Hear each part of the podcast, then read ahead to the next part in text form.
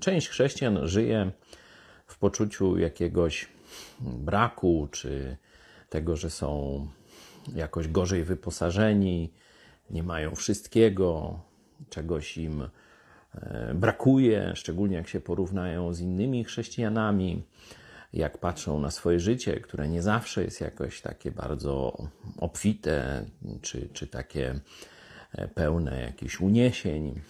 Wtedy wchodzą tutaj takie myśli, Boże, no jakoś tak nie do końca mnie dobrze zbawiłeś, czy wyposażyłeś, a do tego zdarzają się fałszywi nauczyciele, którzy będą dodawać jakieś takie nowe, że tak powiem, wytrychy, żeby uzyskać radość i satysfakcję w życiu chrześcijańskim.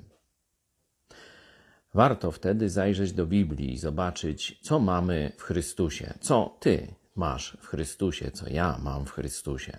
No i zobaczmy, list do Efezjan. Sam początek, czyli można powiedzieć pierwsze zdanie, którym wita apostoł Paweł chrześcijan w Efezie, brzmi następująco. Błogosławiony niech będzie Bóg i Ojciec Pana naszego, Jezusa Chrystusa, który, i tu słuchajcie, który nas ubłogosławił w Chrystusie wszelkim duchowym błogosławieństwem niebios, który nas ubłogosławił w Chrystusie wszelkim duchowym błogosławieństwem niebios.